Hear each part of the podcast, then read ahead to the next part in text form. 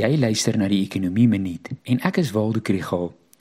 Statistieke Suid-Afrika het gister die tweede kwartaal se bruto binnelandse produksyfer bekend gemaak en die ekonomie het ingekrimp met 0,7%.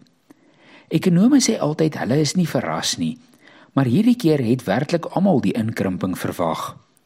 Die vervaardigingssektor, mynbou en landbou het ingekrimp, onder andere as gevolg van die vloede in KwaZulu-Natal beerdkrag en back and closure.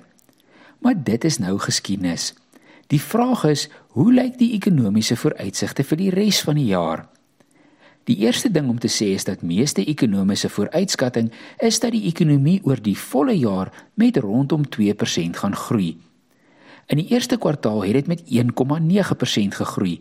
In die tweede kwartaal met 0,7% ingekrimp wat beteken dat daar nog redelike groei in die derde en vierde kwartaal verwag word.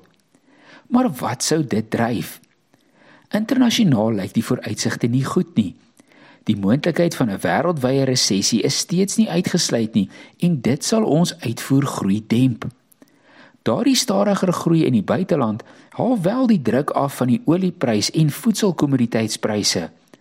Laer inflasie sal verbruikers kans gee om asem te haal.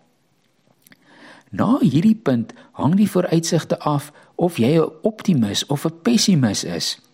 Optimiste sien die moontlikheid van grootskaalse investering in private hernubare energie en 'n groot rol vir die private sektor in die bedryf van die hawens en spoorlyne. Pessimiste is bekommerd dat die president en minister van finansies onder beleg is en dat die owerheid se fiskale posisie steeds kwesbaar is.